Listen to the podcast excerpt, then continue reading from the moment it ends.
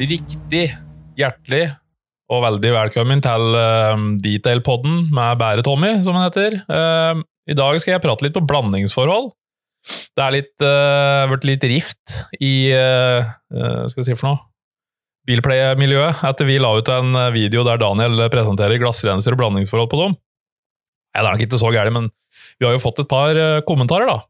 Og de kommentarene går på at Daniel sier at 1 til 3 det er 33% Og så er det da noen som, det er i hvert fall to som jeg har sett, som har bemerka at det er ikke helt riktig. For 1 til 3 det vil jo da si én del produkt og tre deler vann. Og det resulterer i 25% blanding. Og det er ikke feil å si det, men det er heller ikke feil måten Daniel omtaler det på. Um, og Nå blir du kanskje litt nysgjerrig, men det skal, det skal jeg komme tilbake til etter hvert nå. Det er nemlig to forskjellige begreper. Det er noe som heter blandingsforhold, og så er det noe som heter blandingsfaktor. Uh, og det er med å bestemme litt åssen du bruker den kalde brøken, eller den uh, forholdet. Um, når du sier, for å ta det litt sånn fra starten av, da. Blandingsforhold der brukes når vi skal tynne ut et produkt eller et konsentrat. I, I, vårt tilfelle, når det kommer til bilpleie, så er det som oftest prat om et vannbasert produkt som er konsentrert og skal tynnes ut før bruk. Og Det kan være en glassrens, det kan være en forvask, det kan være en felgrens. Det er mange forskjellige produkter som må tynnes ut. Kanskje er det alkohol til bruk med wipe-down på lakk, inspeksjon under polering, sånne ting.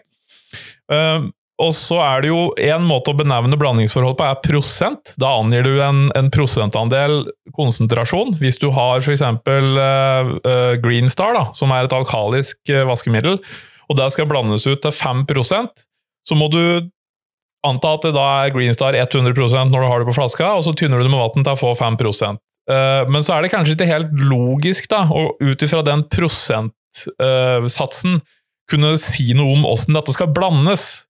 Det er nok det kan være en del som detter av der, og der skjønner jeg. For hvis du sier ja, bland det til 5 og så sånn, ja, men åssen gjør jeg det? Uh, og Hvis vi da kutter ut og tenker på prosent, og kun omtaler det som et blandingsforhold eller en blandingsfaktor, det vil si f.eks. Hvis vi holder på eksempelet med 5 da, så er jo det tilsvarende 1 til 20. Som vi sier, da er det 1 kolon 20. Det det forteller oss, er at det er, det er en volumenhet på hver side av den kolonen. 1 til 20 vil si at du har én del produkt, og så er det her den forskjellen mellom blandingsforhold og blandingsfaktor kommer inn. Hvis du sier blandingsforhold 1 til 20, så vil det bety én del produkt, 20 deler vann. Og det er da 21 deler totalt. Og det vil si at du får ikke da 5% du får litt mindre. Du må dele det da på 21, og ikke på 20. Hvis du sier blandingsfaktor, så vil 1 til 20 bety én del produkt av 20 deler totalt. Det vil si at eh, blandingsfaktor 1 til 20, da er det 20 deler, og du skal tilsette én del produkt. Det vil si at du skal ha 19 deler vann, f.eks., og da får du ganske nøyaktig 5 og det er jo den tankegangen der som gjør at det blir litt sånn at det ofte er mismatch. da, for Hvis du sier at du skal blande 1 til 10, så ettersom om du tenker i blandingsforhold eller blandingsfaktor, så får du enten 9,9 Beklager.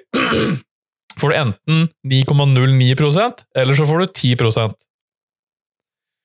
eh, Og så er det jo en gang sånn da, at akkurat åssen du blander, om du blander 9 eller 10% om du blander 20 eller 22% om du blander 5 eller 4 i praksis så har det veldig liten betydning for hvordan kjemien funker. Det viktigste når det kommer til blandingsforhold, er at du ikke er helt på jordet. Altså Hvis du skal blande f.eks. Protectorvax, da, den skal være ganske tynt blanda når den treffer lakken. Den skal blandes 1 til 200. Men om du har den 1 til 250 eller 1 til 160, det har ikke noen sånn betydning i praksis.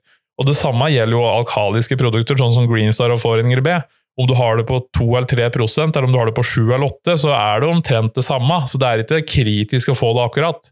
I mange tilfeller så holder det å blande på en slump.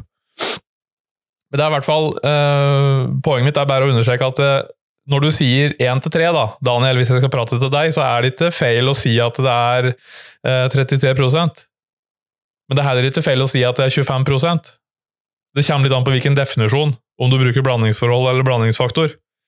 Så um, her har jo da Daniel brukt blandingsfaktor. Eh, det vil si at eh, det får en litt høyere andel med den utregninga.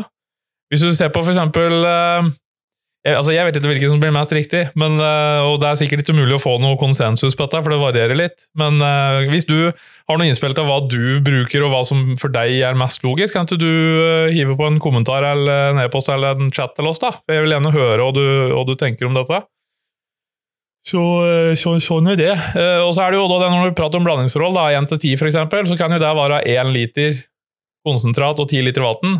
Altså kan det være 1 dl konsentrat og 10 dl vann eksempel. Og så er det jo da om du blander 1 dl med 10 dl, eller om du blander 1 dl og skal ha 10 dl totalt.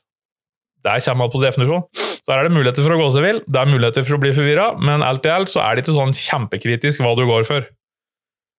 Um, det er litt slingringsmonn. Så um, that's it. Takk for at du hørte på. Liten sånn quick uh, tip fra meg der. Uh, Prekas.